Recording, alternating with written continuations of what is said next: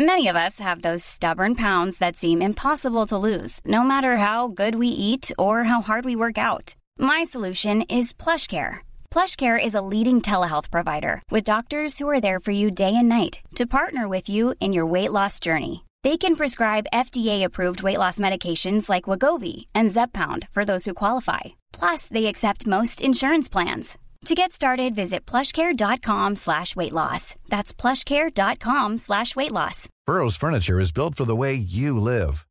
From ensuring easy assembly and disassembly to honoring highly requested new colors for their award-winning seating, they always have their customers in mind. Their modular seating is made out of durable materials to last and grow with you. And with Burrow, you always get fast, free shipping. Get up to 60% off during Burrow's Memorial Day sale at burrow.com slash ACAST. That's burrow.com slash ACAST. burrow.com slash ACAST.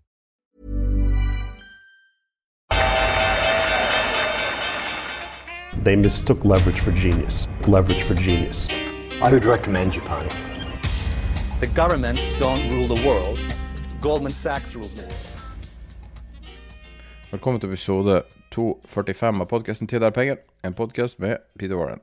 Jeg er dessverre produsent, og dagens episode handler om markedet. Vi starter med strøm, går videre over til markedet, som har starta litt svakere enn man trodde med året. Peter skal snakke litt om konvertible obligasjoner, og hvorfor det er viktig å følge med på det. Vi skal ta for oss eh, ei opptrapping eh, når det gjelder geopolitikk, og spesielle øyne mot Sverige. Det var kanskje ikke det du hadde trodd å høre. Og skal vi runde av med litt teknologi, og Peter har ei podkast-anbefaling. Dagens episode er presentert av Fixrate. Fixrate er et selskap som hjelper bedrifter å finne høyest mulig bankinnskudd på bedriften sine penger. Akkurat nå er det høyeste rente på 5,01% og du kan lese mer om, eh, om Fixrate på fixrate.no. Denne episoden er også presentert av Dealflow. Dealflow er en børs for tidligfaseselskaper. Eh, akkurat nå har de eh, fem selskaper som er i fase med å hente inn penger. Du kan eh, lese mer om dem, og eh, du kan også lese om de 117 vellykka kampanjene de har hatt, på dealflow.no. Denne episoden er presentert av Otovo. Otovo er et solcelleselskap som selger solceller. Du kan montere på huset og gjøre hele den tunge jobben med å finne med å source både materialer og eh, håndverkere, og gjøre alt for deg. Du kan legge det inn, adressen din, på otovo.no, og sjekke om det passer for deg. Og denne episoden er sponsa av IG. Så hvis du er lytter som har hørt på i eh, seks år, nesten syv år, jeg vet ikke når vi starta, så har du hørt eh, navnet IG mange ganger.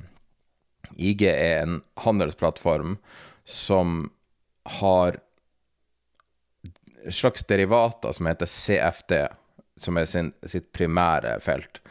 Det var sånn det måtte starte når vi ble kjent med dem for for seks-syv år siden. Nå har det utvikla seg til å bli mye, mye mer. Men CFD-er er et, et, produktområde der de tilbyr høyest utvalg av produkter mellom eh, alt mulig du har lyst til å uttrykke. Og det er nettopp det som er hele poenget. Det er at du kan uttrykke de tradene du ønsker å uttrykke. Så hvis vi ser på enkelte aksjer, så er det like lett å gå long som short, og du har eh, tilgang på markeder over hele verden. Og når det kommer til IG, så tror jeg kanskje det er så mange ting å fokusere på. For nå sitter jeg og scroller på sida, og jeg scroller og scroller og scroller, og jeg er fortsatt på A på aksjer. Det er liksom det som er poenget, da. Du har den tilgangen som gjør at du kan uttrykke de handlene du vil for å gjøre det du har lyst til å gjøre. Så hvis du hører på Tid er penger, så får du kanskje høre mange mange bransjer og mange selskaper. Vi snakker jo ofte om om utenlandske selskaper. Og eh, om du er interessert i dem eller andre, så med IG så kan du uttrykke de handlene. Og det er en av de tingene vi liker godt med dem. Når du kommer til råvarer, så har du jo tilgang på alle mulige slags råvarer. Nå sitter jeg og scroller, der det rundt regna 30-40 forskjellige råvarer. Som gjør at du kan uttrykke de handlene long eller short. Og uttrykke dem som du ønsker. Du kan lese alt om IG på ig.com-no. Og som alltid med trading, uansett du, hvordan form det er, så er det forbundet med betydelig mengde risiko. Så ta så mye risiko du har råd til å tape. Et typisk triks kan være å redusere handelsstørrelsen. IG.com no. La meg bare refresh your memory hva du starta uh, sa for en sånn fem sekunder siden. La oss snakke om været. Ja. Faen, her er det dårlig vær, ass. Tror du snådde en halvmeter, og så begynte å pissregne umiddelbart. det er nice. Og du har vært i minus 30. Ja, det har ikke vært så ille her. Jeg var i minus 26 på fredag da jeg var i en eh, begravelse, og da jeg var ute i Var det i går morges, så var det minus 20, tror jeg. Det var minus 17 når jeg, var på, når jeg trente i, um, i dag. Men uh, du, du, får disse formaningene om å ikke bruke strøm og altså Det er jo blitt merkelig. Den, denne debatten har jo spolt fullstendig av. Altså det, det, der at man Skal jeg bare ta en liten digresjon, fordi det hele tiden refereres til strømstøtte, og det kom nå, nå forslag om at det skal være likt. Alle skal få akkurat likt i støtte, altså uansett om du har liten eller stor bolig. Hva, hva, betyr det? Betyr det egentlig at vi alle burde ha akkurat samme størrelse bolig, da, eller? For at dette her skal uh, gå i hop? For, ja, for, for, det er jo ikke sånn at du har betalt masse til staten for, for å, bygge en, for å bygge en bolig. Uh, og du, du, har betalt moms på alt og så videre. Nei, det, det, ingenting teller her, men Jeg tror de kaller det her teoretisk sett en trådmann. Uh, der man tar et en diskusjon som er strømprisene som har vært lav i Norge i kanskje flere generasjoner. Noe jeg har sett tilbake, men historisk sett vært lav. Og over natta blir skyhøy, og så begynner man plutselig å diskutere forbruk. Som man aldri ja. har diskutert før. Og nå, nå, må jo de her rike, og nå må jo ditt og datt, men i realiteten er det jo Nå må jo dem som er så uheldige at de har en gammel bolig. Det er jo det det er. Ja, nettopp. Altså, se for deg, se for deg altså, Ta f.eks. et område som uh, som Hedmark, da. Det det er, greit at det er sikkert en del leiligheter i, i, i Elverum, men, men, litt ut fra Elverum så er det jo bare hus. Og se for deg eldre mennesker eh, der oppe. Altså, for det første er det beinkaldt, og for det andre så, så, så bor du da i et hus i et område som er superkaldt. Og så skal de da eh, få strømstøtte som, som, som, om du bor på, på, på 70 kvadrat eller 80 kvadrats eh, moderne leilighet. Det, det, det, henger ikke på greip. Men problemet i utgangspunktet er jo at vi kaller det støtte, når det burde vært kalt erstatning. Fordi det er jo en erstatning som gjøres på basis av gigantisk politisk tabbe, som, som som delvis var, var, var, på basis av feilinformasjon og politisk udugelighet, og politikere som ikke har grunnskolenivå, forståelse av tilbud og etterspørsel. Fordi alle forsto, alle andre enn folk på Stortinget av en eller annen grunn, forsto at når du øker kablene til land som har et vanvittig mye høyere forbruk enn en, en vårt, så vil prisen gå opp. Og det nektet, man for. Man fortsatte å nekte og nekte og nekte. Og, ikke, og, og norske forbrukere betaler ikke bare for den norske politiske tabben. De betaler for den tyske også, for Tyskland fikk tilbud fra Norge om fastprisavtale som de, som de takket nei til. Og så gikk prisene videre opp. Så det er, det er jo helt det er helt vanvittig. Og du får inntrykk av at alle som, som da bruker over, over 5000 kW, det er fordi de varmer opp svømmebasseng. I øyeblikket så blir det isbading på 5000 kW, altså, i måneden. Det er, det er, det er jo helt på, helt på trynet. Og sånn som denne Du påpekte nå at det har vært veldig kaldt nå, og, og da fryser ørene. Jeg, som du vet, i, i fjor så, så, stengte jeg av to rom. Rett og slett for å holde eh, energiforbruket nede. Gikk ned, jeg tror totalt sett gikk ned 25% i, i, i forbruk, men det var, det var, kaldt inne. Nå så fryser da vannet når, du gjør det, så du er tvunget til, til, til, å sette opp. Det er likevel så kaldt inne at du setter kjøleskapdøren på gløtt for å varme opp huset, vet du. Det er jo helt på trynet. Det som foregår, altså Vi må gå vekk fra det der å kalle dette en støtte når det er en gigantisk politisk tabbe som ligger til grunn for den situasjonen vi er i. Norge er selvforsynt med strøm. Og det var ingen grunn, og ikke bare det, er Norge er organisert på en sånn måte at det er jo ikke private foretak som, som eier kraftverk, fordi du har den hjemfallsretten, ikke sant. Den går tilbake til staten. Så det er egentlig stat og kommune som, har, som, som er den som tjener på det. Og når man da nå snakker om, om, denne støtten, som jeg mener er en erstatning, så er jo det bare en andel av den mer, meravkastningen som staten har ved at prisene har, har, gått i været.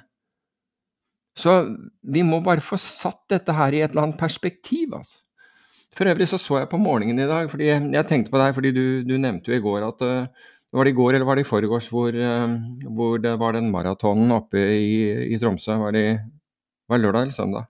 Lørdag. Lørdag. Og da var det snakket om nullgrader, men 20 sekundmeter eh, med vind, og, og en annen løper i, løper i shorts. Det er noen ungarer som løper i bares. Bare, det er Akkurat. Ja, ikke sant? Fire og en halv time sprang han på også. helt utrolig. Fire og en halv time i det, At det er jo helt fantastisk. Jeg fatter ikke hvorfor ikke han blir hypotermisk, men må jo, han må jo ha en forbrenning i kroppen som er helt sinnssyk. Men uh, men, er, men, for, for moro skyld så, så, så, sjekket jeg da, da jeg sto opp i dag, det var 17 minus, jeg driver og tar på meg tre lag på overkroppen uh, før jeg skal ut og, ut og, løpe, og to lag på, på, på, liksom på bena. Uh, og da, da, sjekket jeg Lugano, der var det, der var det pluss syv. Jeg bare nevner det. og hvis det, hvis det, er sånn, altså Jeg kjører full vedfyring i, i tillegg. Det er jo ikke sånn at og du, og, og du, har det kaldt, og du sitter da med, med, med to lag ull inne og, lue mye, mye, av tiden. Sånn skal det være. Men eh, apropos vær, da, hvis vi er litt mer på sånn eh, litt større bilde, da.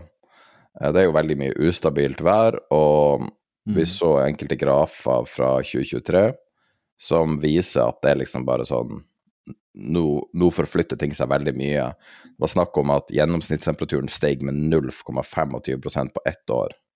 Og når du ser på liksom hva de her temperaturmålene til EU er, og sånn, så er det jo helt bare sånn altså Det er jo bare sånn hva vi skal gjøre. Hvis det går så fort, så er det jo bare game over. liksom.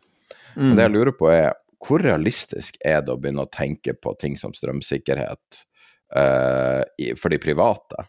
Fordi at vi hadde jo da, jeg tror det var i Porsgrunn, der plutselig strømmen går fordi at det bare ikke er nok.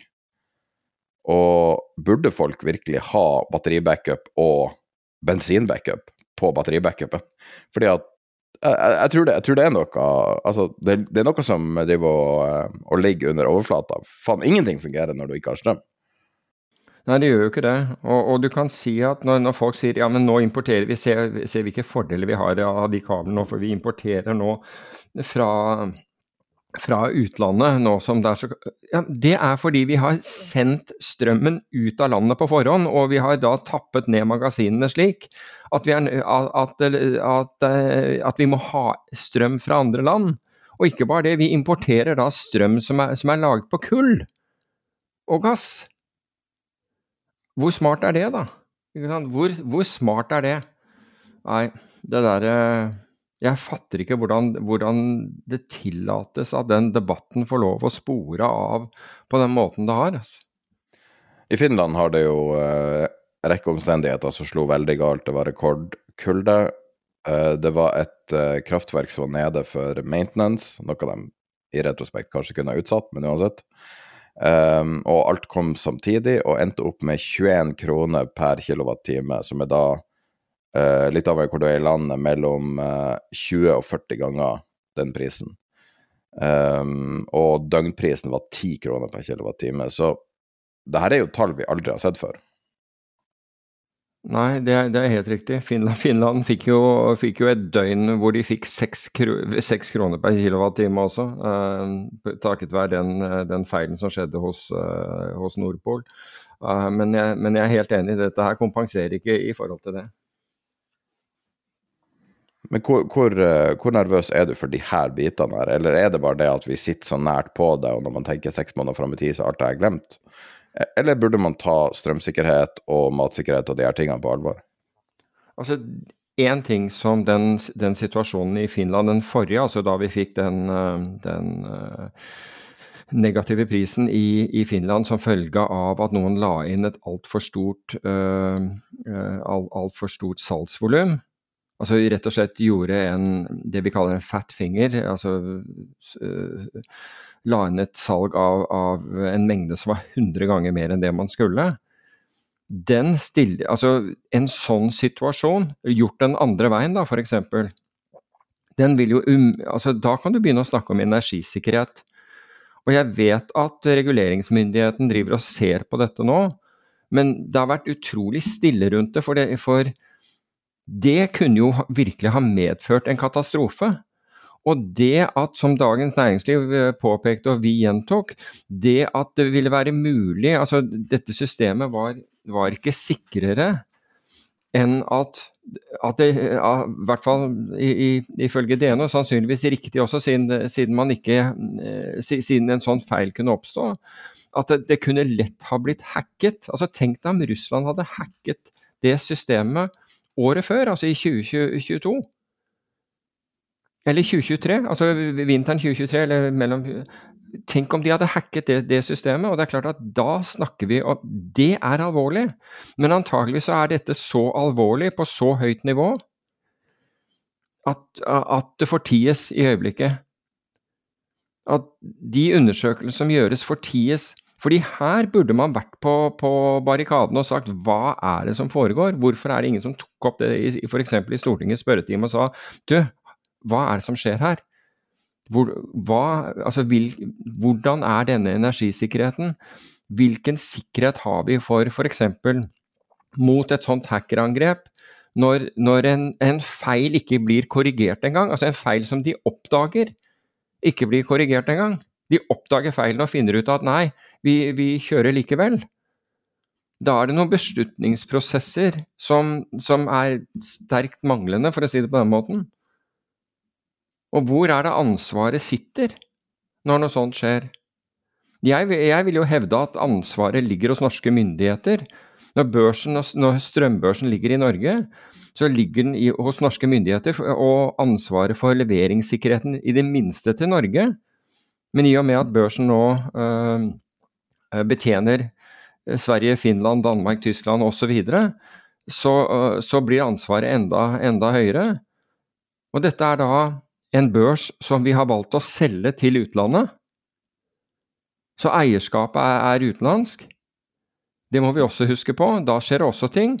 Du, du vil jo tro at bare for å kunne ha en sånn viktig del av norsk infrastruktur, så vil jeg, Nå sier jeg ikke at det ikke er blitt gjort, altså sikkerhetsvurderinger rundt det, det vil jeg håpe at ble gjort. Men det, de, der bør listen ligge høyt, for å si det på den måten. Når, når nasjonen omtrent kan fryse i hjel over natt som følge av en eller annen, en eller annen tabbe. Så Nei, det der er spørsmålet. Jeg, jeg syns det er veldig, veldig rart at det er bare noen få nyhetsmedier som har, har tatt opp uh, denne saken. I Norge, vel å merke. Mens i Sverige og i Finland så var det jo langt større, og til og med England, altså gjennom Financial Times, det er sikkert en del andre som, som også tok opp saken, hadde jo på en måte mye større oppslag enn det det var her. Og det er, det er uh, en tanke forvirrende for meg. Kan jeg sitere en analyse fra tradingdesken eh, til Goldman? Ja, kom igjen. Her var et par timer etter markedet åpna etter nyttår. Head scratching start to the year.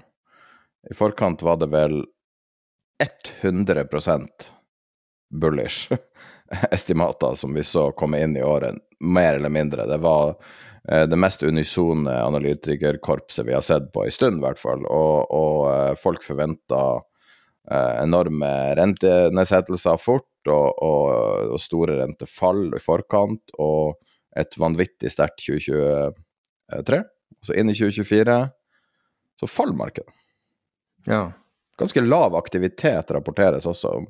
Så ikke bare faller det, men det er også litt sånn Folk, folk er ikke så uh, Altså det, det, det er ikke så mye volum eller aktivitet.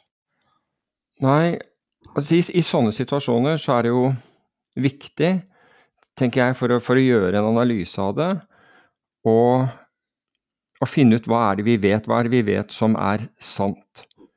Og i forkant så eh, ble det, altså i forkant av årsskiftet, så ble det eh, så, ble det offentliggjort eh, tall fra, fra tegning i aksjefond, og det var rekordtegning i aksjefond. Så det vet vi på en måte er, er, er riktig. Og så blir det som, som, du sier, vi går inn i året, og så får vi en nedgang i året istedenfor for, for en oppgang. Ok, Vel vitende om at det ene er sant, nemlig at den etterspørselen, altså gjennom tegningen, var rekordhøy, så vet vi da at det har vært en stor etterspørsel for, for aksjer i utgangspunktet. Når kursene går ned, hva betyr det? Jo, det betyr at store aktører har, har benyttet nettopp den kjøpsvilligheten til å selge. Så enkelt er det, fordi det er tilbud og etterspørsel. Så kjøpspresset ble, ble møtt med enda større salgspress. Hvorfor? Ja, Det kan man bare spekulere på. Vi, vi kan liksom gå gjennom allting fra geopolitikk til økonomiske utsikter til høy, fortsatt høy inflasjon.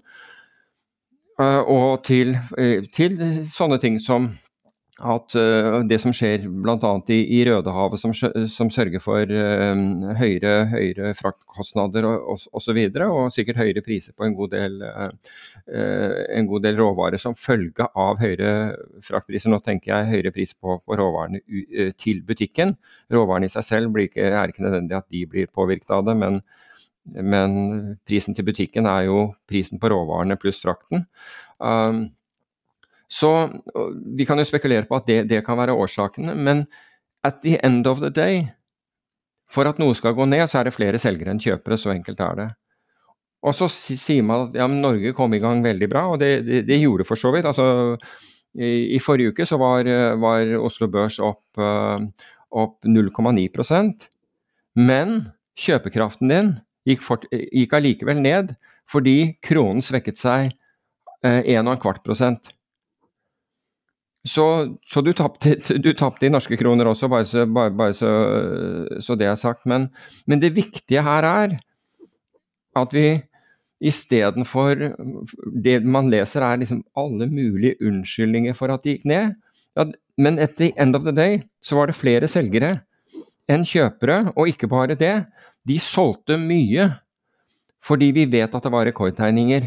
Øh, på forhånd, så rekordtegningene ble møtt av salg. Så Og så kan man gå videre altså Når man først har erkjent det, så kan man begynne å lete etter hvorfor. Hvorfor, akkurat hvorfor skjedde dette? Her er en mulig, mulig forklaring, da. Kom igjen. Så nå siterer jeg vår analyse vi sendte ut, analyse av analyser vi sendte ut på fredag mm. eh, på Patrion. Uh, så siterer jeg en til ting derifra. da. Så Bank of America har en sånn uh, extreme bullish, extreme bearish-indikator som de bruker som en uh, kontrær indikator. Spesielt Bank of America, men generelt folk i markedet liker jo ofte å bruke hvor optimistisk folk er eller negative de er, som en kontrær indikator. Altså basically det motsatte er sant. Mm. Og um, den ekstrem bullishness-indikatoren er på den høyeste på Den største økning på tre år i desember. Og det er på det, rundt det høyeste nivået vi har sett på, på lang tid. Og ekstrem bullishness er negativt for aksjer. Så, ja, det er jo det. Men det er ikke alltid det. Men altså, det er en, eh, en Nesten indikator. Alltid. Nesten alltid når det er på ekstremnivåer. Og, og rasjonalet bak det Beklager at jeg avbrøt deg, men, men, men rasjonalet bak det er jo at når, når, si, eh, når, den, når den siste optimist har kjøpt, så er det på en måte kjøpingen ferdig. På samme måten som når den siste pessimist har solgt, så er selgingen ferdig. Så det skjer på ekstremnivåer. Ja, nei, det er Det var et merksnodig år, 2023, eh, og det var noen som sa ja, hvordan ville han ha sett på det hvis han hadde visst eh, resultatet, eller hva som skjedde i 2023? Og hvis jeg hadde visst alle hendelsene i 2023, så føler jeg at jeg ikke hadde klart å spå retninga på markedet i det hele tatt. For jeg skjønner fortsatt ikke hvorfor det steg i 2023. Og vi er i 2024 nå. Nei, altså jeg er enig i det. Um, det blir sånn å finne årsaker. Alle blir jo kjempesmarte etter at noe har, har skjedd, fordi da rasjonaliserer man. Altså det er jo, dette er jo menneskets natur, måten hjernen vår rett og slett virker, er at vi finner logiske grunner til hvorfor det skjedde, og så tar vi de inn som at det, det var jo opplagt. Men mens det skjedde, så hadde du ikke filla peiling. Det forsto du ikke i det hele tatt. Du, du har bare blitt gitt en, en form for rasjonell forklaring i etterkant som du kjøper fordi du har behov for å forstå. Hvor langt bak må man for å, for å forstå? Fordi det er jo noe du har snakka om tidligere. Liksom at når, når, du sitter i markedet, så konsentrer deg om, om uh, price action, altså hva som faktisk skjer. Ikke bry deg så mye om hva som er årsaken til at det skjer, det kan man finne senere. Men hvor langt bak må man? At det har gått et år nå. Uh, I don't get it. Altså. Er det bare tekniske årsaker? Kan man få et 25 rally for verdensmarkedet på bare tekniske årsaker? Altså, du kan få et 25% rally, og du kan få en 25% fall. Ikke sant? Altså Sannsynligheten for at du, at du faktisk faller 25% er høyere enn at du stiger 25% i hvert fall inn, hvis du angir en, en, altså innenfor La oss si at var Sannsynligheten f.eks. For, for at du i løpet av to måneder faller 25% kontra i løpet av to måneder stiger 25% så er sannsynligheten for fall mye større.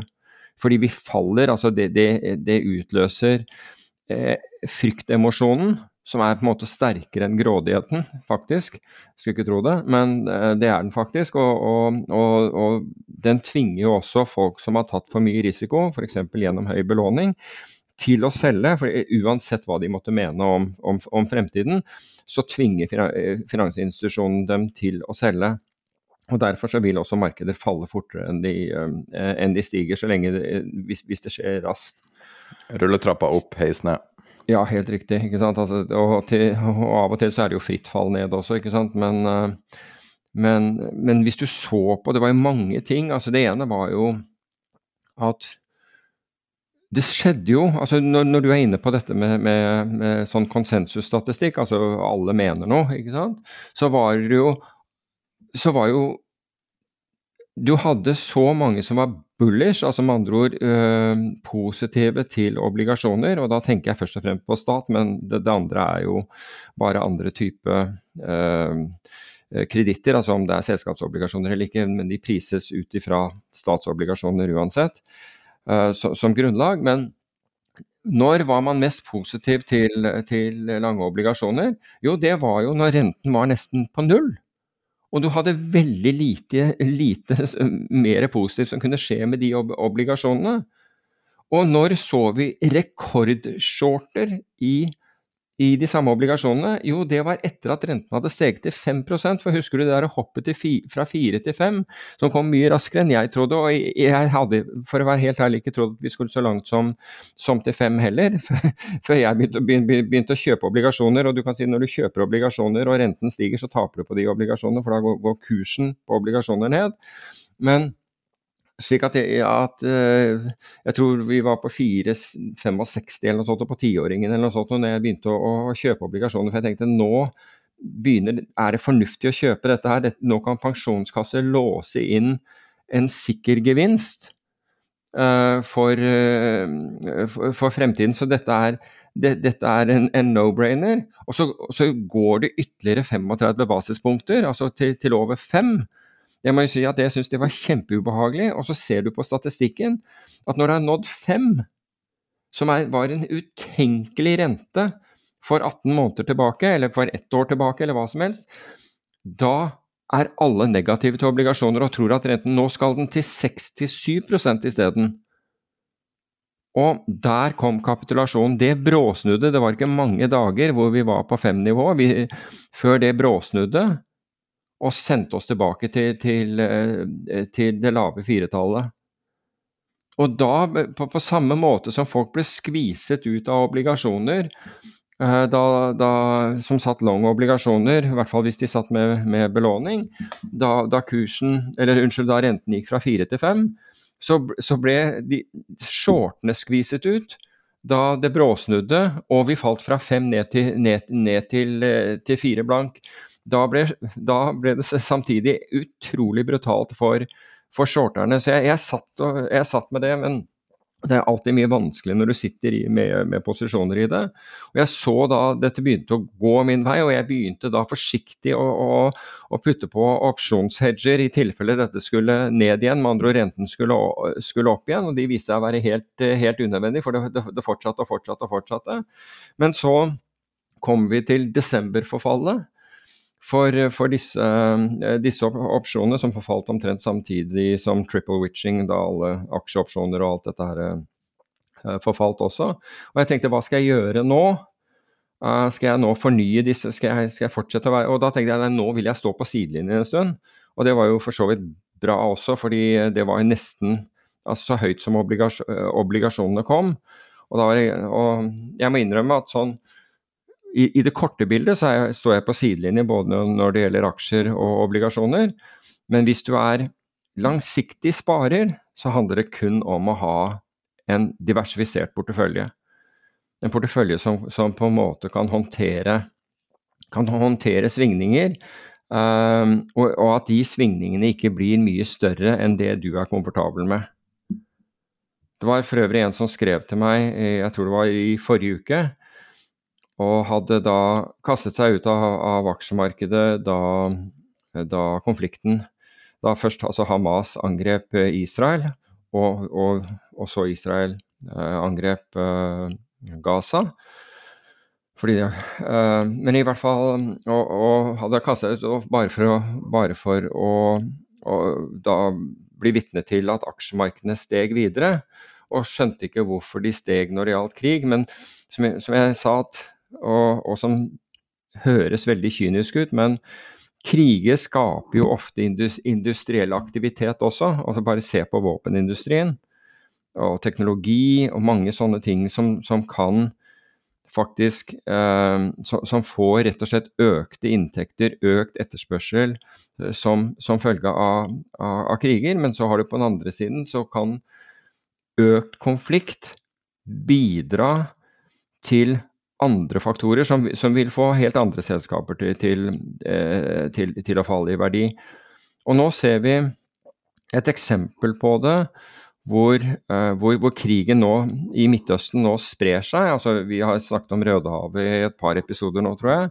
Men det at, det at 95% av uh, containerskip nå velger å gå Eh, rundt eh, Afrika, altså gå, gå, syd og rundt Afrika fremfor å prøve seg i Rødehavet, betyr jo økte kostnader, men det betyr jo økte inntekter for de, eh, for de rederiene det gjelder. Men det kan bety økte kostnader for forbrukeren, altså de som skal ha disse varene. Og det er jo ikke gitt at på basis av det prisbildet vi ser i øyeblikket og tilgjengelige penger, nå tenker jeg bl.a. på det, det var en organisasjon for inkassoselskapene som sa at som hadde gjort en undersøkelse og mente at, at var det over én av fire, altså mer enn 25% av, av nordmenn, kan ikke takle en uforutsett kostnad på 10 000 kroner i dagens marked, altså i, i sånn, som, sånn, som, situasjonen er da betyr jo det at hvis varene blir veldig mye dyrere som følge av at man, man går rundt Afrika, så vil antageligvis etterspørselen etter de varene avta. Så da kan man, da kan man altså som eh, makroanalytiker, og for så vidt aksjeanalytiker også, se på hvilke selskaper er det som får økt inntjening ved det som skjer nå, og hvilke vil få det motsatte. Men tilbake til det, til, til det jeg sa. Altså for de aller fleste så gjelder det å ha diversifisert, altså diversifisert portefølje og ikke ta mer risiko enn det du skal, til tross for at vi har gjennomgått en tid nå, altså frem til at rentene begynte å stige, inflasjonen begynte å stige og rentene begynte å stige, så har vi hatt en periode der hvor Penger har kostet bortimot null. Det har vært sentralbankstøtte som har gjort at, alle, at det mer risiko du tok, det, så, altså det verste som kunne skje med deg, var at staten på en måte hjalp deg gjennom, uh, gjennom problemene hvis det gikk galt. Nå har vi ikke den, den type situasjon lenger.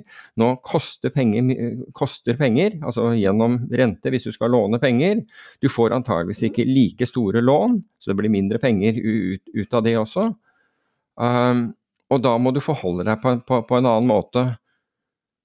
Og vi så i fjor hvor mange av de som hadde konsentrert risiko i de mest eh, eh, risikofylte selskapene, med andre selskaper som ikke har inntjening, og vi håper at de skal få det en eller annen gang frem i, langt frem i tid, hvordan deres formuer hadde dramatisk forverring. Vi opplevde liksom milliardærer som plutselig ikke var det lenger. Så det begynner å komme litt mer fornuft egentlig tilbake i markedet, tror jeg. Uh, uten at jeg føler at det er i at akkurat fornuft kontra grådighet er i balanse i øyeblikket. Kan vi snakke litt om uh, hva, uh, hva, som driver markedet nå?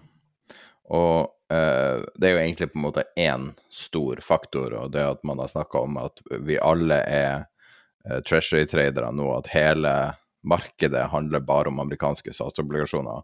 Det korrelerer veldig sterkt med det. Så den mm. forbindelse så Og, og det, det man snakker om da, er pivoten til Fed, ikke sant. Siden man har lest de her minutes, ja. du hører uttalelsene, hører alle talene, og du er på jakt etter endringer. Når skal de endre? Og da sette ned renten tilbake til null, alle skal bli milliardærer, alle skal bli lykkelige, alt blir fantastisk. Tilbake til eh, 2019. og eh, i eh, forrige uke så hadde Howard Marks uh, sitt uh, fondselskap Oaktree publiserer jo regelmessig uh, sånne uh, memoer som også gis ut som podkast.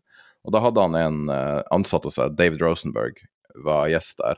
Og han hadde en helt briljant observasjon, der han sier at hele greia handler om pivot i markedet. Alle snakker om pivot, og så sier de når skal Fed pivote? sier han Fed sjøl vet ikke når de skal pivote. Hvordan skal jeg vite det? Og det, det i seg sjøl er bra observasjon. Men, og så sier han at eh, jeg kan ikke fortelle deg når, eh, og ingen kan fortelle når, og dem som sier det, lyver. Men jeg kan fortelle deg hvorfor de kommer til å pivote. De kommer til å pivote hvis noe går galt. Så det han irriterer seg over med det resonnementet, det er at folk ikke tenker forbi rentenedsettelser. Det han sier da, er at det er noe katastrofalt galt med økonomien hvis Fed pivoter. Mm. Sannsynligvis store mengder oppsigelser, vil jeg tro. Og hvis man ser på det på den måten, og tenker på det litt mer tredimensjonalt enn bare sitte og stirre på renta, som veldig mange gjør, og sitte og stirre på alle de her eh, talene og foredragene og flashene som kommer på Bloomberg, alt mulig, så er det Er det her virkelig det man vil? Er det bare renta som man burde fokusere på, eller burde man tenke litt mer tredimensjonalt på det? Altså, problemet er jo at de aller fleste som sitter med og ser på flashene og, og følger med på Bloomberg, er jo i utgangspunktet selgere. De ønsker å selge et eller annet. De ønsker å bruke det som et argument for å, for å selge et eller annet. Og et mindretall er det som faktisk eh, fatter de viktige avgjørelsene. Da. Er om, om de skal faktisk eh, øke eh, øke allokeringen sin til aksjer kontra renter og, videre. Det er jo det som er Litt av det som er problemet, er jo på en måte den, hvordan bransjen er, er blitt den, den, er ikke orientert mot sluttresultatet. ikke sant? Så Sluttresultatet er jo på en måte avkastning. Den er, den er orientert mot honorarsiden av det. Og Derfor så er det jo veldig vanskelig også å, å ta, ta, stilling til ting. Men når det gjelder, altså bare for en digresjon, du nevnte Fed. Nå, jo, nå kom det jo noen uttalelser fra Fed-folk i helgen som i utgangspunktet gikk på at man mente at kvantitativ uh, tightening, altså innstramminger. Altså man hadde kvantitative lettelser hvor, hvor uh, man sprøytet penger inn i systemet ved å kjøpe først statsobligasjoner, og så senere uh, selskapsobligasjoner av, av, stadig lavere kvalitet. Rett og slett for å få penger inn i aksjemarkedet. Og så ha, var problemet at Federal Reserve altså da satt på en helt vanvittig mengde med statsobligasjoner. Og at man avsluttet den, og det gjorde man jo i, i 2021. og I slutten av 2021 da avsluttet man kvantitative lettelser, og så begynte man å isteden å selge obligasjoner, noe som betyr at renten går opp. Og nå var det flere Fed-folk som da mente at Eh, at tiden var kommet til å avslutte kvantitativ, eh, kvantitative innstramminger. Og jeg tenkte når jeg hørte dette her, så tenkte jeg det høres Oi, altså her, her kan det lett bli en sånn derre pop opp på, på morgenen. Hvordan tar markedet dette her?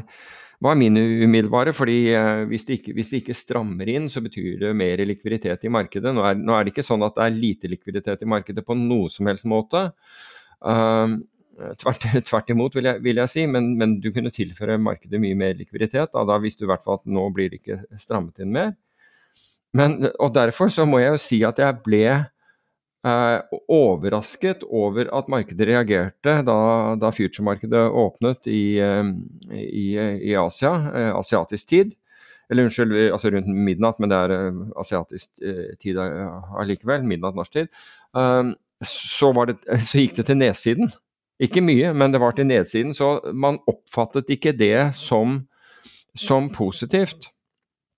Og det forteller litt om, om hvor markedet er i øyeblikket. At store markedsaktører fortsatt finner denne situasjonen veldig sårbar og ønsker ikke å ta veldig mye, mye risiko. Så, så det, er, det, er, det, er, spennende rundt, rundt uh, dette øyeblikket. og sier til kjedsommelighet dette er at ingen kan spå markedene, og det, og, og det, tror jeg ikke at noen kan gjøre heller. Det, det, det, er ikke det inntrykket du får når du leser finanspressen, men der er jo alle knallsikre på, på, på, på utfall. Men, men gå, gå, disse menneskene tilbake i sømmene og se hva de har sagt tidligere, så vil du se at det er, er svært lite, lite, hold i at de har, at de har eh, eh, Snåsamannen eh, for å si det på den måten. En ting som er ganske lett å spå, er at rike blir rikere.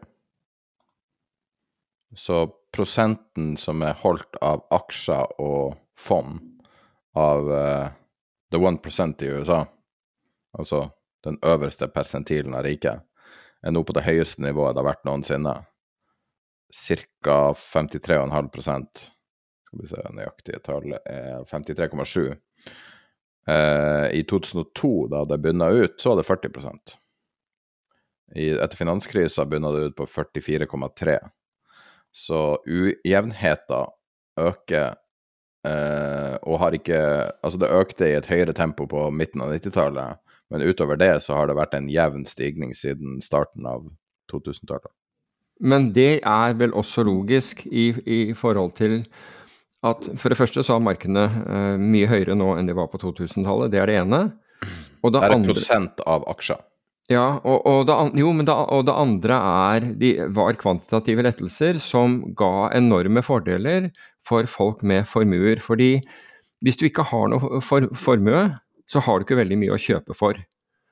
Mens, de som har, altså, mens hvis du tar bort risiko og sier til folk nå må du gjerne spekulere så mye du vil, fordi eh, hvis dette her går galt, så kommer staten inn og, og, hjelper deg. Hvilket de gjorde ved intervensjoner. altså Med en gang det så litt usikkert ut. Vi så en sånn i november 2011 bl.a., og vi så det i 2018 og vi så det i 2020. Altså Hvis du fjerner den, så da fjerner du nedsidemuligheten for, altså, for det å ta for mye risiko. Og for, og for, det første så Kvantitative rettelser og den type ting, de, det prioriterer de med formue. Fordi de uten formue, ja, de får la, forhåpentlig lavere renter i banken, men det betyr ikke at de har mer cash til å gå og kjøpe seg, eller, eller begynne å, å, kjøpe seg opp i aksjer, men det har de som er mer velstående. Så der begynner egentlig allerede der begynner gapet mellom, mellom fattig og rik å, å, øke. Og det øker jo mer og mer når de som har mye penger, opplever at de kan ta mer og mer risiko, og at the end of the day så vil staten betale. Med andre ord, skattebetalerne vil baile dem ut. Og det er, det er en flå. Men det er også en annen faktor her også. Kom igjen. Og det er en trend som har foregått de siste 40 og 50 årene, de to trender, da. Det ene er fall i uh, corporate tax, altså nå ser jeg USA, Mm, ja. og fall i rentenivået. Så fra jeg ble født Mm. i 1982, eller egentlig fra 1981, så har jo renta falt fram til da eh, Det er de to 2021. faktorene, jeg er helt enig. Og vet du hvor mye det bidro? Nei, Så- det vet jeg ikke, men, men opplagt så bidrar begge deler. Å ja, amerikansk eh, en, en undersøkelse ble gjort av, av Fed, sier at eh, veksten for et SMP 500 non-financial company var 2,2% mellom 1989 og 2019. Eh, en nesten uavbrutt oppgang også. Men hvis du da legger til eh, eh, renteeffekten og lavere skattenivå, så var veksten 3,8. Så Mm. nesten halvparten av veksten har kommet fra det. Problemet er nå at renta har vært null, så det er ikke så mye mer å kutte nå. Man kan ikke kutte under null. Nei, nettopp. Sånn at den veksten vi har lagt bak oss, med mindre man kutter skattene enda mer Noe USA ikke kan gjøre. USA har så høye kostnader nå at skattene må sannsynligvis økes på sikt. Og da er spørsmålet da, når man sier ja, ja, aksjemarkedet går stort sett opp, og det går stort sett opp, nesten uansett når du starter eh, å, å regne, så ser det bra ut. Men det er også perioder i historien, noe vi har tatt opp tidligere, der du kan ha 20 år med flatt aksjemarked. Ja. Og mer enn det også. Hvis du tenker, hvis du tenker på, på, på Japan, så er det jo 30. Ja, men tenk deg den skjulte motoren i markedet. Ja, ja. Skatt og rente. Og begge de to der har man tatt ut alt man kan ta ut av. Men, men skatt og renter, ikke sant? lavere skatter og lavere renter, det bidrar også til at innovasjon koster mindre. Så du kan si at, at uh, uh, R&D, altså research and development hos, hos bedriftene eh, belastes mindre, altså med, med mindre kostnader, og kan, kan økes. Og dermed så får vi Altså vi, vi tror jo at uh, verdensøkonomien har en Altså at den trender oppover. Blant annet, altså selvfølgelig fordi vi, vi jobber mer effektivt, uh, men vi har også verktøy som gjør uh, at, vi, at lønnsomheten øker. Og er- nå er det jo et stort håp om at bl.a. AI skal bidra til å, til å buse dette videre. Så det er logisk altså det er logisk at aksjer stiger over tid, det er på samme måte som det er logisk at økonomien at, at vi utvikler oss over tid, fordi mennesket utvikler seg. Men så gjør vi jo sånne ting som når det går for bra, for, for lenge, så oppstår det kriger. Da oppstår det misnøye, da oppstår det handelskriger og militære konflikter. Så vi, vi, igjen, vi er vår egen verste fiende, fordi etter en stund så, så klarer vi ikke Vi klarer på en måte ikke Vi, vi ser til noen andre og finner ut vi, nå, vi skal ha enda mer. Eller den har mer enn meg, den har vært flinkere enn meg, og så begynner ting. Enten gjennom handelskriger eller gjennom uh, militære konflikter. Så det er vi som ødelegger for oss selv. Og nå har vi jo den, der, den, den geopolitiske situasjonen vi, vi, vi befinner oss i, som stadig utvider seg. For hvis, hvis du ser på hvis, du, hvis vi tar Gaza, som er livsfarlig emne å, å, å, å snakke om, fordi du, du kan ikke si noe positivt om uh, Du kan ikke si noe til forsvar for, sivilbefolkningen i Palestina uten, uten, å bli kritisert og, og, og stemplet som at, at, du er jødehater. Og det er jo so far from the truth som det, som, som det kan være. Men, men det, er, det, er, det, er, blitt så betent i det hele tatt å snakke om den. Men hvis du ser på det som har skjedd på Gaza, da, og hva, hva var det vi var kommet opp i? 22 000 Uh, 22 700 uh, døde, var det det? Jeg tror det var det. Altså, det, det, så så Altså, det som er forferdelig med det, det er at det er ikke på gjennomsnittet engang. For i perioden fra 2007 og frem til Hamas eh, angrep i Israel, så har 21 palestiner dødd for hver israeler som har blitt drept. Så hvis du bruker det på 1200 og ganger det med 21, så får du 25 200 palestinere som må dø. Hvis, bare for å nå gjennomsnittet. Jeg sier ikke at man skal nå dette gjennomsnittet, men jeg regnet på det rett etter at, at det brøt ut i, uh, i, i den, den, konflikten brøt ut. Og jeg så det tallet, og jeg turte ikke å si det tallet, for jeg syntes det var så horribelt. Og så nå er vi Nå nærmer vi oss det tallet. For befolkningen på Gaza, altså når, når du ser hva så, mange land har uttrykt øh, ønske til Israel om å stanse drap på, på, på, på, sivile, at de bakker av. Og Israel sier at de, de bryr seg ikke, de, de bare fortsetter. Og, og, USA advarer også Israel, men de gir de fortsatt ammunisjon til, eh, til, til, å fortsette. Men det eneste håpet nå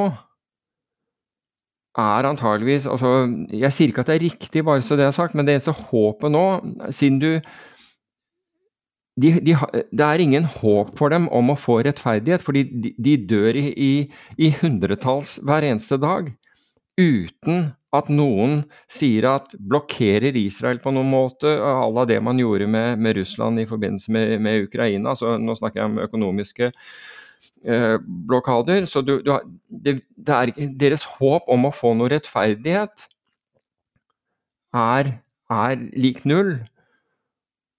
Og det det har blitt overført til nå, det er jo det som Hutiene gjør, nemlig at vi skal bekymre oss for egen økonomi ved at de, ved at de eh, gjør anslag i Rødehavet og gjør den passasjen ufremkommelig. Og de risikerer jo livene sine, og det gikk mange Houthi-liv i, i, i, forrige uke da, da de angrep eh, noen, noen skip og, og beskjøt tror jeg, no, enten noen amerikanske krigsskip eller, eller skjøt på noen angrepshelikoptre, som sannsynligvis ikke er veldig smart å gjøre.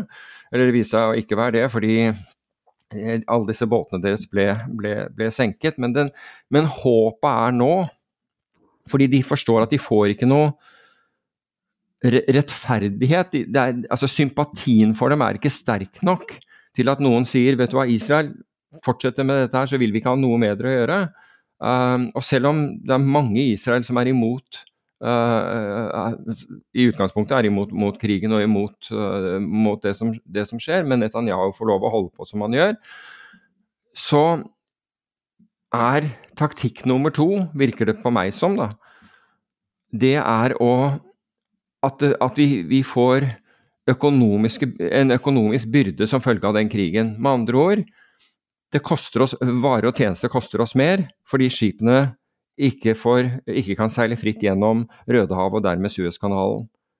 Så vi har gått over, og nå begynner dette å Så det gradvis vil sannsynligvis eskalere mer i den retning, noe som betyr at vi går over, over fra en helt lokal krig, nemlig i det okkuperte området, altså Gaza og, og, og Vestbredden, til at effektene blir større, og kanskje globale, som, som, som følge av dette.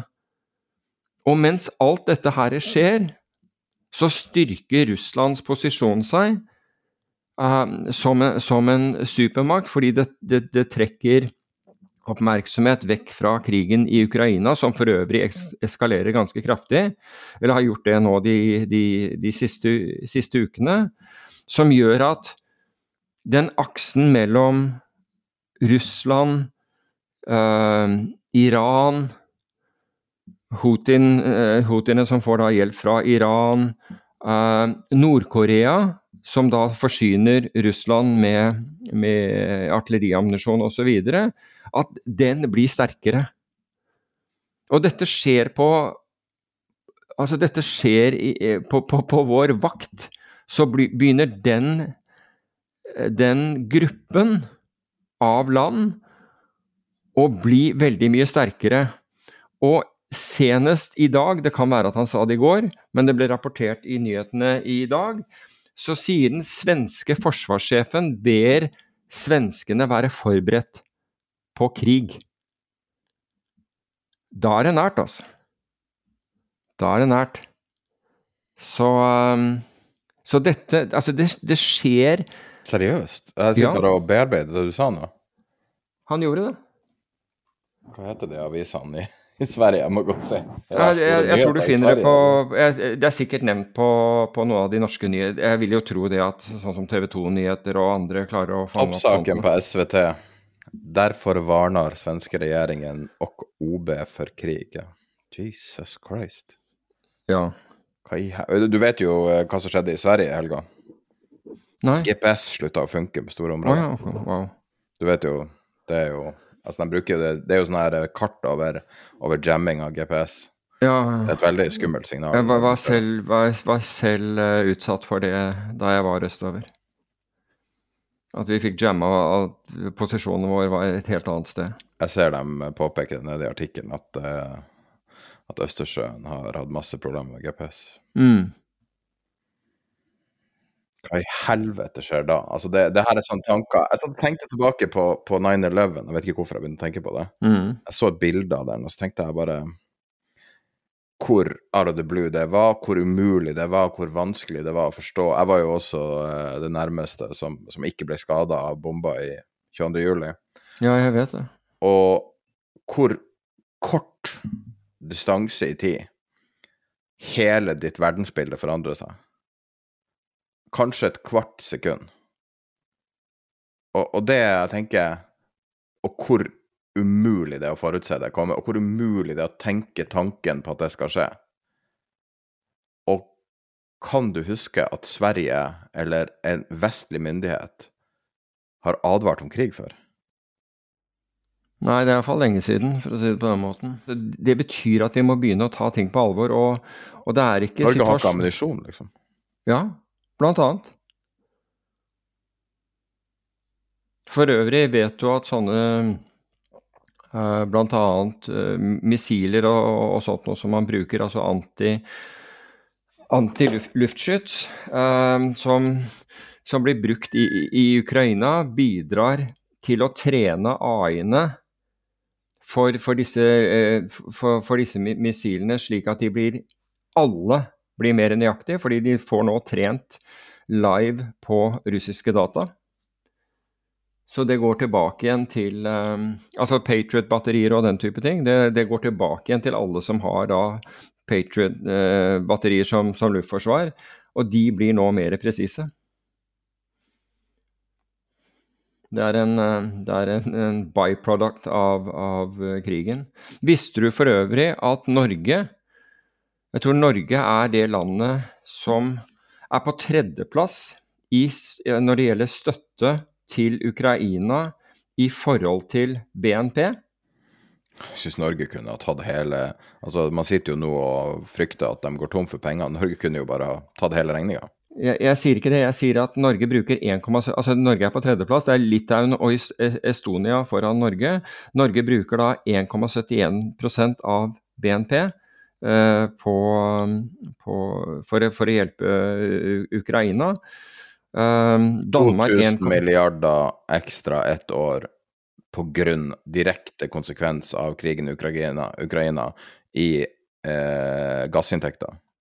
Ja, ja. Jeg, jeg, sier ikke det, men, men, du kan si det til tross, så, så, så, så, så, vil, så syns jeg at Norge gjør en at, det, at alle kan gjøre en, en, en, større innsats her, for jeg tror det, det er ekstremt viktig. Men Norge gjør forholdsmessig en stor innsats her. USA, der er, der tallet 0,33% av BNP.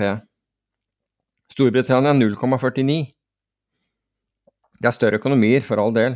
Men bare så vi har Altså, Norge gjør en innsats her, altså.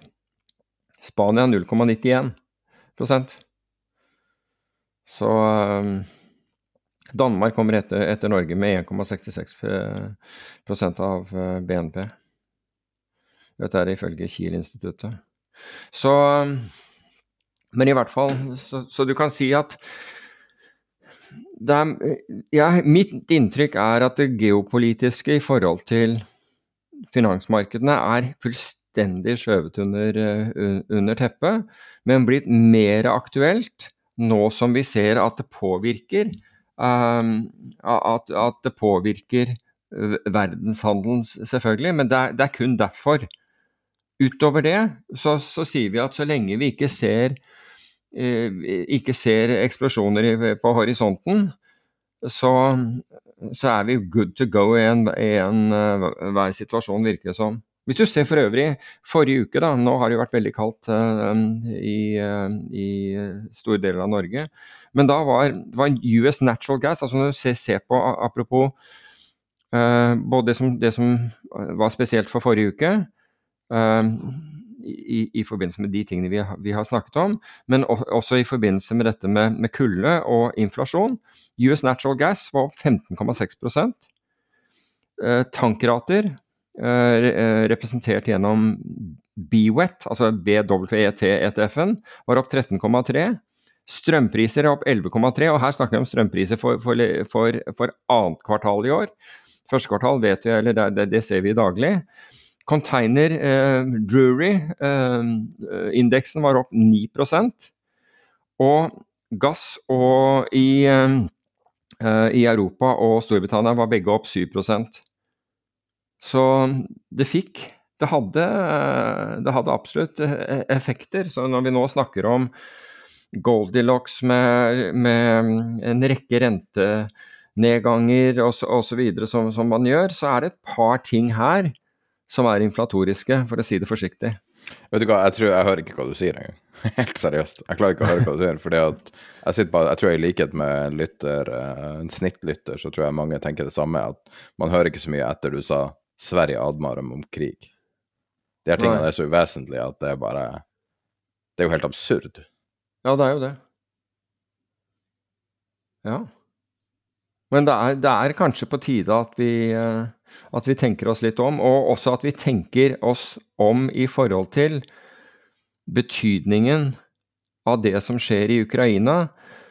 Ikke bare for ukrainerne som, som kjemper og blør, men, men også på konsekvensene om ukrainerne ikke klarer å holde stand. Så det er verdt å tenke på. Man kan tenke på det når man vil at Norge skal eh, kutte støtten fordi at det påvirker et eller annet bullshit-ting. Som det selvfølgelig mm. ikke gjør, vi har uendelig med penger. Men det er det som er, det hevdes, da. Så kan man ha det i bakhodet når man sier at man burde trekke Altså kutte støtten til Ukraina, som veldig mange sier. Absolutt. Absolutt. Nok en sånn uh, Nok en sånn stråmannargument. Mm. Det er helt forferdelig. Ja. Nei. Det blir sånn uh, banalt å gå videre, føler jeg. I hvert fall til andre tematikker vi har her, enten det er konvertible obligasjoner eller, uh, ja. eller teknologi. Men vi, vi skylder vel uh, lytterne også å, fortsette. Også. Hvorfor introduserer du deg for konvertible nå? Det er først og fremst fordi det har, det har blitt utstedt veldig mye konvertible obligasjoner uh, i USA den, den, den siste tiden. Og, og, det er også logisk. For en konvertibel obligasjon, det er en obligasjon som har en kjøpsrett til aksjer på en viss kurs. Så det er en, som en vanlig selskapsobligasjon, som også inneholder en kjøpsrett, altså en, en kjøpsopsjon, en call-opsjon, på den samme underliggende aksjen. Som regel er den Kjøpsopsjonen, det vi kaller out of the money, altså med andre ord innløsningskursen, er høyere enn det aksjekursen er i dag. Men hvorfor skjer dette med konvertible obligasjoner i øyeblikket? Jo, det, eller hvorfor er det attraktivt? Jo, fordi renten er så høy. Og det gjør at bedrifter er villige til å gjøre si, hva de kan for å senke eh, lånekostnadene sine. Og ved å utstede en konvertibel obligasjon fordi du får denne kjøpsretten som i seg selv har en verdi, så er renten på en sånn obligasjon lavere. Gjerne 200-300 eh, basispunkter, altså 2-3 eh, lavere rente på den enn en vanlig obligasjon. Så bedriften låner billigere mot at du som obligasjonskjøperen, hvis selskapet går virkelig bra og aksjekursen skyter opp, eh, har en kjøpsrettighet på aksjer. Så de eksisterende aksjonærene, altså til den bedriften, de vil da bli utvannet ved at det utstedes nye aksjer på, altså hvis, hvis, kursen går oppover. Men hvis ikke, så har de lånt billigere enn de ville ha gjort hvis uh, de, de, skulle tatt et ordinært obligasjonslån. Så det er på en måte hensikten bak det. Ja, det har vært brukt veldig, veldig mye uh, tidligere, spesielt når det har vært litt høyere rente. Altså det som det som er gunstig for deg hvis du, hvis du er, kjøper deg en konvertibel obligasjon, det er jo selvfølgelig at du får så høy rente som mulig på den, men at den implisitte volatiliteten, fordi det er det du må regne på, altså hvor mye betaler du for den opsjonen? Altså du kjøper altså obligasjonen til 100, det er greit nok, men hvor mye koster denne, unnskyld, denne opsjonselementet deg? Um, og det, og det, kan godt hende at det handles opsjoner på, på de samme selskapene, ofte gjør, gjør, det det. Og da er det ofte slik at de opsjonene der er billigere enn har vært lavere, uh, hatt lavere volatilitet enn de, de, fra før listede opsjonene. Og da har du en rekke, spesielt hedgefond, men også andre fond, som kan gjøre interessante strategier i forbindelse med det, nemlig å kjøpe den konvertible obligasjonen, utstede vanlige uh, opsjoner på, de, på, dette selskapet, for, for da, dermed å få inn, inn, premie. og Da kan det være at de får en bedre lånerente enn, enn de ville fått ved en vanlig obligasjon. Noen shorter aksjen i forhold til deltaen på disse opsjonene, slik at hvis hvis aksjekursen går ned, så tjener de penger på det. Hvis aksjekursen går opp, så er de dekket av, av opsjonen. Så det er en rekke sånne strategier som da kommer til anvendelse, og du får da flere typer av aktører som er interessert i å være med på en sånn konvertibel eh, obligasjon. Så jeg gjetter at det kommer til å komme. Altså Norske eh, meglerhus, de, de, store meglerhusene som utsteder, eh, som, som tilrettelegger eh, eh, obligasjoner, de aller fleste av de er kjent med, med konvertible obligasjoner og har hatt med, med, det å gjøre tidligere. For øvrig, Borr Trøim sitt eh, selskap, de hadde jo en konvertibel obligasjon, og den trodde jo alle at skulle, skulle gå til null. Da han slet mest etter eh, slet som, som, mest etter, uh, etter covid. Men det endte med at alle fikk fullt oppgjør for, for den obligasjonen. Og jeg har sagt all ære til, til, til Trøim, som ikke bare gikk fra Eh, gikk fra forpliktelsene sine. Han kjempet for, faktisk for både aksjonærer og obligasjonseiere noe ordentlig, og det, det, det står uh, respekt av. Så, så, min Jeg vil tro at konvertible obligasjoner snart er å finne på, på menyen som meglerhusene begynner å legge ut her i Norge. Jeg har lyst til å fortelle deg om en kopp. Om en? Kopp. Kopp? Litt for å illustrere. Folk snakker mye om algoritmer, folk snakker mye om Kina, om TikTok, og det at et eh, kanskje muligens det mest signifikante valgåret i historien.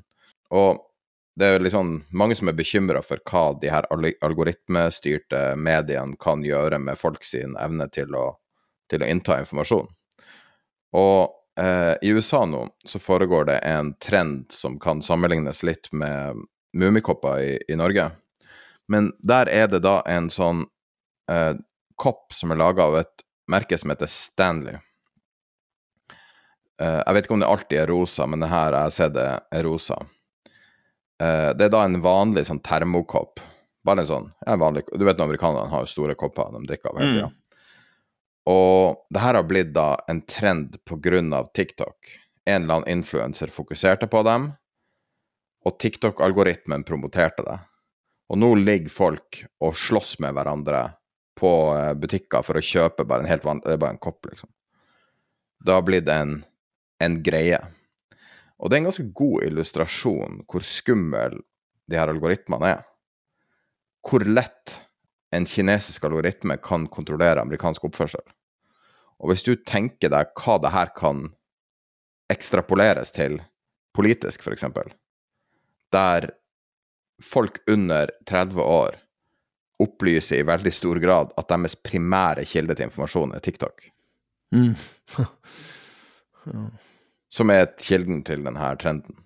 Kilden til egentlig alle trender i øyeblikket. Som er en black box-algoritme kontrollert av kinesiske myndigheter. Er det ikke der eh, justisministeren eh, bruker som kommunikasjonsplattform? Eh, ja, hun gjorde nå det, i hvert fall. Jeg bare syns Når jeg hørte om denne koppen og så de her videoene og ser folk ligge og slåss om en jævla kopp Og man kan jo le av de her folk med mummikopper og alt som man vil, som jeg har gjort en del sjøl. Men det er relativt en uskyldig ting. Det er en liksom, markedsmanipulasjon på Finn-chatten. Liksom. Det er begrensa hvor, hvor farlig det er. Mm. Men TikTok er ganske farlig. Men vi har bare ikke sett effekten av det. Hiding in plain sight. Og vi så vel kanskje det aller første effekten var vel rundt eh, Israel og, og, og Gaza. Der vi så at avhengig av hvordan plattform folk hadde, hadde det var veldig påvirka av hvordan de opplevde verden. Og hva som var sannhet. Mm. Og vi har vel aldri hatt en konflikt der det er vanskeligere å definere sannhet enn den her. Nei, godt poeng. For det var en interessant ting. Det, jeg har ikke en sånn dyp, dypt resonnement på det på noen måter, men det er virkelig utrolig at TikTok fortsatt er lov. Wow. For den makta det ligger i den algoritmen. fordi at forskjellen fra TikTok, hvis du ikke kjenner det til det, fra nesten alle andre sosiale medier, det er at det har ikke noe å si hvem du følger osv. Jeg bruker ikke det, men, men, uh, men, vet du hvordan det funker? Nei, det som betyr noe, er hva TikTok bestemmer å vise deg. Ok. Sånn at de har så ufattelig mye makt. Men er det ikke det samme på, på, på det som var Twitter før òg? Um, det du klagde til meg før vi starta om at du bare så baseball, ja. er et forsøk på å kopiere TikTok. Det at de prøver å optimalisere for viralitet. Men ting, okay. tingen av dem er jo helt evneveik, det ser du jo. De vet jo ikke hva de driver med. ikke sant? Mens derimot TikTok er ikke evneveik, og TikTok genererer så mye penger. Altså, de summene på omsetning Det er sånn du Revenue Det var en uh, Altså, det her er jo en relativt De omsetter for jeg tror det er 10 milliarder i kvartalet. Oh, wow. Driver ikke man og bygger et eller annet uh, datasenter i Norge for, i forbindelse med dette, her, eller, eller tar jeg feil? Jeg tror det går med ekstreme overskudd. Vi vet jo ikke nøyaktige tall heller. Men tallene er så mye større enn det man er vant til. Og innflytelsen er det som er verdien her. De har klart å, å hacke hjernen til hele Vesten. Alt skjer på TikTok hvis du er under 30. Altså, jeg, jeg syns jo at, eh, at, YouTube kan være skremmende der, ja, men det er tydeligvis ingenting i forhold til dette, eller? YouTube er jo fortsatt der du har fortsatt en del innflytelse på det. TikTok mm -hmm. virker å være supercharged algo. Folk snakker om at AI er så skummelt, og AI skal gjøre ditt, og AI skal gjøre datt. Altså ChatGPT og, og alle de tingene virker jo fortsatt å være relativt trivielt. Og selvfølgelig at bilder nå er så realistiske at det er vanskelig å se at det er forfalska og alt sånn. Det er et problem. Men vi har allerede problemer når det kommer til de her tingene. Og det er ikke en åpen AI, det er en lukka AI. Det er den AI-en som bestemmer hva den skal vise deg på TikTok. For mm. hva hvis Russland går inn i Sverige? Hvordan vil deres TikTok se ut da? hvordan vil hvordan kan du påvirke hvordan, hvordan, vet man hva som er sant lenger? Ja, nettopp. NRK legger ut bilder av uh, folk som står i, uh, i snøføyka i, um, på Sørlandet, og så viser det seg at det kommer fra Midjourney, det er et AI-bilde som er Oi. lurt av NRK. Det er liksom Ja, det her er, det er liksom ikke så viktig, men herregud, de her koppene i USA satt bare TikTok så til de grader i, i et sånn klart lys for meg. Men altså, det jeg syns er skummelt, det er jo at dette her skjer samtidig med at folks evne, og for så vidt også interesse, for kritisk tenking er på lavmål. Hvordan måler du det? Nei, det er ikke jeg som har målt det, det er, eh, det er andre som har Det er universiteter som har målt dette. Men hvis det er riktig, at vi er altså Antageligvis fordi, fordi uh, henger dette sammen med at sosiale medier altså Folk er så mye på dem. Være, nå ikke jeg, bruker ikke jeg TikTok, men hvis du ser på Instagram og andre ting, så fòres du hele tiden av, av, ting der. Og hvis du da ikke har da evnen til Altså, du liker det du ser. Det, det, det er Algoritmene vet hva hva du liker å følge med på, og kan da dreie og holde på med ting som da de vet at virker inn på, på, på din do, dopaminproduksjon, om du vil. Ja du, du, ja, du, underholdes, men samtidig så, det, så, så, legges det da inn forskjellige ting der. Være seg påstander eller, eh, eller rapportering eller noe sånt, som er mildt sagt unøyaktig.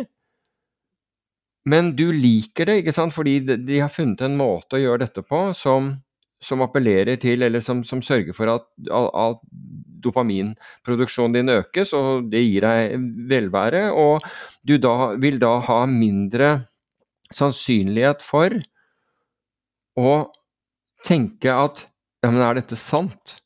Det høres jo ikke riktig ut. Men tenk deg tre år tilbake i tid. Tre år og to dager tilbake i tid. Hva skjedde da? Tre år og to dager. Hvilken dato er det vi har i dag, da? 8. januar. 6. januar oh, ja, storma en gjeng pensjonister eh, Kongressen. Ja. Det var ikke unge mennesker. Det var ikke folk på, på Ja, da var vel TikTok ganske lite, men det var ikke folk eh, under 30. Det var folk over 60. Der man satt og så på, som er avhengig av Fox News som er avhengig av Twitter. Altså, som er avhengig average, average person kunne jo vært 35 eller noe sånt, noe av det som løp inn der av det jeg husker at jeg så, men Det var veldig mye eldre mennesker.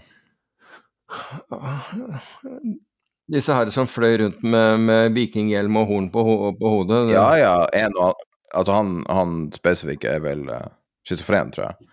Men uh, altså, det var mange forskjellige folk som mm. var der. Men det De hadde blitt fora en beskjed. Om du blir fora av TV, av TikTok eller av, av, Twitter, er jo sånn sett uvesentlig.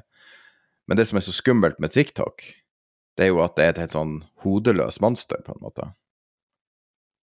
Og man har, jo, man har jo prøvd å stoppe det, og greide det ikke. Og nå er jo det blitt en sånn Hvis du stopper det, så taper du et valg, liksom. Så det tør ingen å gjøre. Jeg skjønner. Hvis alle er fysisk avhengige av det her, de får sin kontinuerlige dopamindrypp av det, med å bare sitte og scrolle og scrolle og scrolle. Men apropos storming av, av Kongressen. Jeg, altså jeg, kjenner igjen han bruker Han øh, ser ikke på lineær TV i det hele tatt. Og YouTube, godt voksen, YouTube er hovedkilden til, til alt. Og han er overbevist om at det der, det, det, den stormingen Nei, den stiller han store, store spørsmål til om, om virkelig skjedde og er Trump-tilhenger. Hva tror han skjedde? Nei, han, tror, han tror at det der er Nei, han, han, han, mener han ikke har sett bevis for at det virkelig stemte. At, at det, det, virkelig skjedde. Altså det var animert hele greia, eller at det var skuespillere? Eller? Ja, et eller annet. Hva som helst. Men han tror ikke at det, han tror ikke at det der skjedde. Hvorfor tror du han uh, Altså Er han blitt radikalisert på YouTube, eller var han radikalisert fra før av? Nei, jeg tror han er blitt radikalisert av YouTube. Absolutt. Men han var, allerede, altså han var radikalisert allerede før det skjedde. Det, det, det er nok uh, riktig, fordi Men YouTube viser deg jo altså det, Algoritmen er jo slik, og, og, det, sånn som jeg forstår deg, så er denne TikTok-algoritmen bare en, en uh, turboladet versjon av, den, av, den, av, noe av det jeg beskriver på som YouTube. At den Altså hvis du, hvis du søker opp uh, ting stadig ser på, på ting. La, la, oss si det, det, dreier seg om folk som uttaler seg om uh, Jo, blant annet QAnon. Helt overbevist om at det der eksisterte, til tross for at det fantes ikke kjeller i det bygningen den, den, hvor, hvor, dette skulle foregå, eller noe som jeg var helt overbevist Nei, det tror ikke noe på det der. Jeg tror det du beskriver Pizzagate som er en foranliggende ting til QAnon, men ja. ja. Det er samme, det er samme folkene. Ja, og, og, men poenget er at vedkommende får jo bare servert sånne ting. Så det er aldri noe Ja, altså det er det du sier søke. Det er det som er litt av problemet her. Ja, men du søker kanskje en gang, og så begynner du å se på det, og dermed så får du det som forslag. Det er, det er min greie. Altså, vedkommende får jo aldri opp eh, BBC News som et, som et forslag til nyheter man skal se på. Skjer ikke. Og hvis du får det opp, så vil de aldri klikke. Fordi at de trykker ikke på de knappene. Nei, det, det kan godt hende. Eh, det var, det var nemlig en annen sak, men det hadde med Jo, det hadde med 9-11 å gjøre. Selvfølgelig er jeg helt overbevist om at, at, det var en konspirasjon, og da gjaldt det denne bygning 5. Og hvor Bygning en 7. Var det det? Ok, unnskyld. Sorry. Sorry at jeg Ok, vet. ja, nei, men vi, du, du har sikkert rett. Du har sikkert rett. Den som raser eh, en god, god tid etterpå? Akkurat. Men i hvert fall hvor en BBC-anker melder at den faller før den har falt. Og jeg sjekket opp den storyen, og, og han hadde rett. Han hadde rett. Men, den, men det som hadde skjedd, var at de hadde Og her gikk det det var, det var et annet news agency som hadde meldt dette her. BBC hadde vært klare for altså Fordi de så på alle mulige eventualiteter og, og forberedte nyhetssendinger med forskjellige eventualiteter. Og det var en eventualitet at ytterligere en byg bygning falt. Um, og så melder et helt annet nyhetsbyrå at jeg, jeg tar for gitt at du, du har mer peiling enn en meg på hvilken nummer bygning dette var, men at bygning 7 hadde falt. Og det kommer inn idet hun går på lufta, og hun og hun, øh, og hun sier da at den har falt, og så går det flere minutter etterpå, så, så, så, så faller den. Men den saken ble jo tatt opp i ettertid, og, og ettergått, og hvordan dette her skjedde. Og det var det ene nyhetsbyrået som sendte ut en feilaktig melding, som da flasher opp hos BBC idet de går på lufta. De tror at det der, og, også, og, og uten å sjekke det, så sier BBC, og dermed så får det den Og dermed så var jo alle overbevist om at dette her var bare skuespill, dette var satt, i, satt i sving. For hvordan kunne ellers de ha, de ha rapportert om det før det skjedde? Så jeg, jeg ettergikk den der, den, den, den, men det var jo en interessant story rundt det også. Men, øh, men, men nå er vi litt utenfor øh, Nå er vi på bygning sju her, et stykke, stykke utenfor de der penger, kanskje. Men hvis vi kan uh, kanskje runde av Du hadde hørt på uh, passende nok en podkast som heter Lunatic French, og du likte det du hørte. Det passer jo fin overgang og kanskje en fin avslutning av denne episoden. Ja, altså der har jeg lyst til å gi en, en shout-out. Jeg må innrømme at jeg kjente ikke til podkasten Lunatic Fringe, og man kan jo lure på hvordan man finner hva, hva jeg sitter og hører på, siden jeg, jeg får det som, det som, forslag. Men denne her intervjuer da en, en, en fallskjermhopper. En, en, som jeg hoppet med, med tidligere, kanskje som heter Even Rokne, og som jeg ikke har sett på, på, på over 20 år. Og han er gjest i den, i den podkasten. Og så, så, jeg ville høre på den, og jeg syns han har så Altså, dette han, Even har hatt en tøff reise. Han, han er utrolig En utrolig entreprenør. Altså, han er fra Voss. Stiftet bl.a. denne Ekstremsport-VK var med på alle disse tingene. Men har hatt et, og som kommer frem i podkasten, overveldende mye motgang. Jeg var ikke klar over at han har hatt så mye motgang. Jeg visste at han var, drev, holdt på i Seychellene og, og trene, trene militæret der i, i fallskjerm, for de har, aldri, de har aldri hoppet. Og hele poenget er at det tar 20 timer for for Sjøforsvarets båter å komme til de ytre øynene, men nå kan de komme dit uh, ved å ha trent dem i fallskjerm, så kan de være der på to timer, så kan de droppe, droppe fallskjermjegere uh, fallskjerm på en sånn øy, fordi det er, det er, de har piratproblemer i de ytre øynene. Men jeg må jo si at Altså Even har nå 10 000 fallskjermhopp, som er over tre ganger så mange som meg, men han har hatt overveldende mye motgang. Og aldri gitt seg. Og jeg var ikke klar over denne motgangen, for det, det som skjedde var Det som skje, har skjedd med han, det, det skjedde etter at jeg uh, hadde med han å gjøre. Jeg traff han vel på, på, på 90-tallet uh, uh, første gang. Men det der å aldri gi seg, og hans mentalitet rundt det, og hvordan han klarte å, å, å komme videre, og pluss, pluss mange, mange morsomme episoder fra hans liv er, er, er verdt en shout-out, syns jeg. Og jeg, jeg, sendte han en melding Som sagt, ikke snakket med han på i 20 år, og, sendte han en melding, og vi har, vi har hatt noen Han vet ikke at jeg gir han en shout-out, for øvrig. Etter, etter at, jeg, at, jeg, hørte den, der, den podkasten, og han mente at jeg må bli med til Seychellen i april. For da skal det være, skal det være innhopp på masse av øyene. Hvis du har fallskjerm og og kan hoppe, så kan, kan, man delta, bare så det er sagt. Uh, på dette hvis noen av dere skulle, skulle uh, fatte interesse for det. Men jeg syns podkasten, uh, som jeg ikke kjenner til fra før, Lunatic Fringe, var god, men, men spesielt den reisen som, som, Even har vært gjennom, er verdt å høre på. Altså. Men da er vi tilbake neste mandag. Ha en god uke.